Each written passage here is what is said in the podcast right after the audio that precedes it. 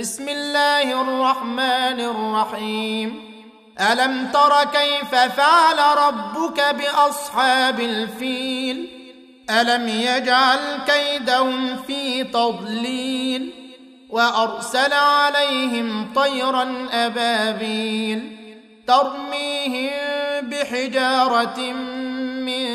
سجيل فجعلهم كعصف ماكول